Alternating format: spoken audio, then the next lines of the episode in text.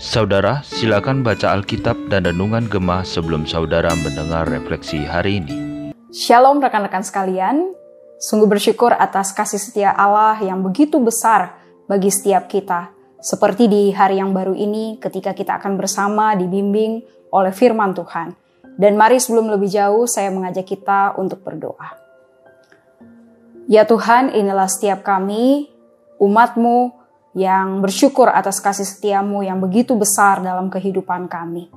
Dan Tuhan, biarlah di dalam bimbinganmu kami boleh paham kepada apa yang menjadi firmanmu. Dan firmanmu itulah yang menuntun kami untuk semakin hidup lagi di dalam kasih setiamu itu, untuk menjadi murid-muridmu yang semakin menyenangkan dan memuliakan engkau saja. Karena itu, tolonglah kami di dalam pemberitaan firman Tuhan pada hari ini, biarlah engkau yang tuntun kami. Terima kasih ya Tuhan, kami serahkan waktu ke depan, dalam nama Tuhan Yesus kami berdoa. Amin. Jemaat yang terkasih dalam Tuhan, dasar firman Tuhan pada hari ini terambil dari Matius 4.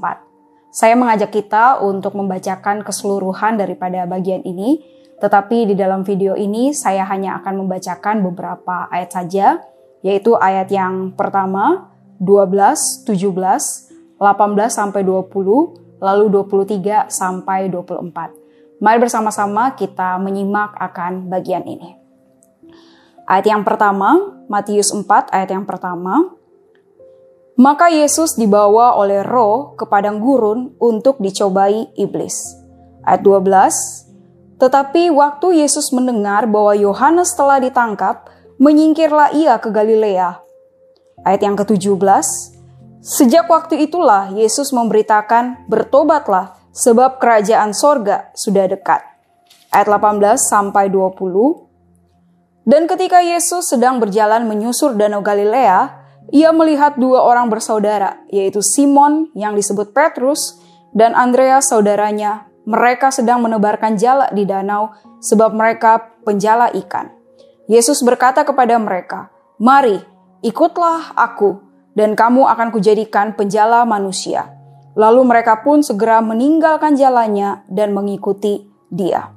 Ayat yang ke-23 sampai 24. Yesus pun berkeliling di seluruh Galilea. Ia mengajar dalam rumah-rumah ibadat dan memberitakan Injil kerajaan Allah serta melenyapkan segala penyakit dan kelemahan di antara bangsa itu.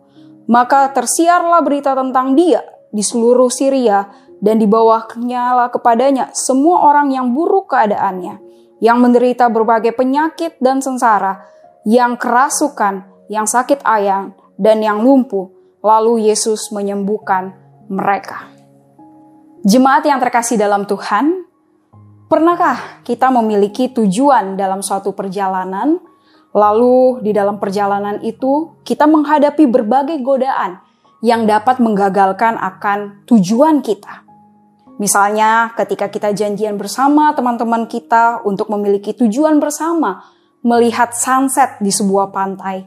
Dan pada hari H ketika kita melakukan akan perjalanan ke pantai tersebut, kita menghadapi berbagai godaan di tengah jalan. Misalnya untuk jajan, makan minum yang kelihatan enak-enak. Ataupun untuk foto-foto dengan berbagai pemandangan yang indah di tengah jalan. Hal ini bisa saja terjadi sehingga ketika kita tiba di pantai yang kita tuju, hari pun sudah malam dan kita gagal untuk melihat sunset. Padahal itulah tujuan utama kita. Lalu dari hal ini, jadi apa yang harus kita lakukan dalam perjalanan agar tujuan kita itu dapat berhasil? Ya tentu saja kita harus fokus pada tujuan dari perjalanan kita tersebut barulah kita berhasil di dalam perjalanan kita. Demikianlah Tuhan Yesus. Ketika ia melangkah dalam perjalanan pelayanannya untuk menyatakan dirinya atau ia sendiri itu sebagai Injil kepada dunia, ia fokus kepada tujuannya.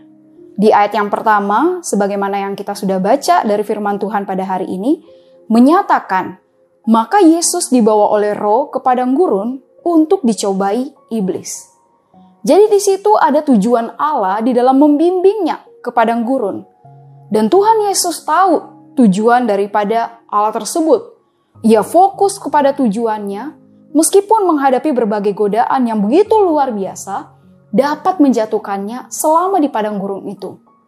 Godaan untuk mengubah batu menjadi roti, dalam arti iblis menggoda Tuhan Yesus untuk memakai kekuatannya demi kepuasan fisik yang sementara dibandingkan ketaatannya kepada Bapa. Lalu ada godaan untuk menjatuhkan dirinya dari tempat yang tinggi atau hubungan bait Allah. Dalam arti iblis menggoda Tuhan Yesus untuk mencobai Bapa dengan memakai firman Tuhan yang terdengar saleh, padahal itu seperti mencari-cari bahaya untuk dirinya sendiri. Benar, ya Bapa akan menjaga, tetapi kalau sampai menjatuhkan akan dirinya sendiri di tempat yang tinggi itu, padahal tidak disuruh, itu adalah tindakan bodoh. Dan iblis mencoba menggodai Tuhan Yesus dalam hal ini. Lalu ada godaan yang terakhir, yaitu menyembah iblis agar mendapatkan semua kerajaan dunia dan kemegahannya. Padahal kuasa itu pun adalah milik Tuhan Yesus. Iblis menggoda Tuhan Yesus untuk secara shortcut ataupun sempintas mendapatkan kuasa. Padahal ada jalan salib yang memang harus ditempuh oleh Tuhan Yesus dan bagaimana ia menanggalkan kuasanya demi tujuan Allah untuk mencapai di dalam menyelamatkan manusia berdosa. Dalam berbagai godaan inilah, sekali lagi Tuhan Yesus tidak tergoda dengan berbagai godaan itu. Ia fokus pada tujuannya dalam perjalanan pelayanannya di dunia. Itulah di dalam bagian selanjutnya ketika kita menyimak Matius 4 ini, di mana ketika ia menyingkir ke Galilea setelah peristiwa penangkapan Yohanes, di situlah yang menyiratkan bahwa Tuhan Yesus mau fokus menjalankan akan tujuannya ke dunia. Ia ke tempat yang strategis untuk memberitakan kerajaan Allah sebagaimana yang telah dimulai oleh Yohanes. Di Galilea itulah di mana terdapat penduduk yang beragam. Bukan hanya orang Yahudi, tetapi juga ada dari bangsa lainnya, yaitu orang Fenisia di barat, orang Syria di utara dan di timur, dan orang Samaria di selatan. Dan di bagian selanjutnya di dalam Matius 4 ini menyatakan bahwa Tuhan Yesus memanggil akan murid-muridnya yang pertama kali untuk membantunya di dalam menjalankan akan tujuannya ke dunia. Dan di ayat 23 sampai 25 dari bagian Matius 4 eh, ini dikatakan bahwa maka tersebarlah tentang dirinya, tentang bagaimana Yesus yang datang ke dunia melayani akan dunia demi memberitakan akan kerajaan Allah, yaitu dirinya sendiri sebagai Injil daripada itu sendiri. Dan sekali lagi semua ini dapat terjadi dengan Tuhan Yesus yang fokus kepada tujuannya. Meskipun sekali lagi banyak godaan yang dapat membuatnya jatuh. Tetapi ia fokus pada pekerjaan yang Bapa telah percayakan kepadanya. Pertanyaannya bagi setiap kita, bagaimana dengan setiap kita? Ketika kita pun juga menjadi warga kerajaan Allah, melalui keselamatan yang Allah berikan, ia pun mau kita fokus pada menghidupi dan memberitakan akan Injilnya. Injil itu adalah kekuatan Allah yang mengubahkan dan memampukan kita untuk hidup di dunia ini, bahkan memberikan pengaruh di dalamnya. Adakah kita fokus pada tujuan Allah dalam hidup kita untuk hidup di dalam Injilnya dan memberitakan Injilnya. Meninggikan Yesus Kristus dalam kehidupan kita.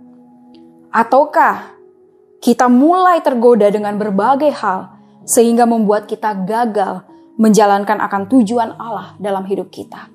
Entah itu ketika kita di dalam kehidupan kita bersama di gereja, dalam pelayanan kita, ataupun di dalam keluarga kita, di dalam lingkungan pekerjaan kita. Mari, melalui firman Tuhan pada hari ini, biarlah boleh membawa kita untuk fokus kepada tujuan Allah dalam kehidupan kita. Dan biarlah firman Tuhan ini yang boleh meneguhkan kita untuk terus hidup bersama dengan Tuhan, memuliakan nama Tuhan. Mari bersama-sama kita berdoa. Ya Tuhan, terima kasih untuk firman-Mu yang juga sudah diberitakan kepada setiap kami. Tolonglah kami ya Tuhan untuk benar-benar tertuju hanya kepada Engkau saja. Terima kasih Engkau sudah menciptakan kami. Terima kasih Engkau sudah menyelamatkan kami. Dan Tuhan kami tahu bahwa hidup kami hanyalah untuk Engkau. Karena itu biarlah firman-Mu pada hari ini yang menolong setiap kami. Terima kasih, sungguh kami bersyukur. Dalam nama Tuhan Yesus kami berdoa. Amin.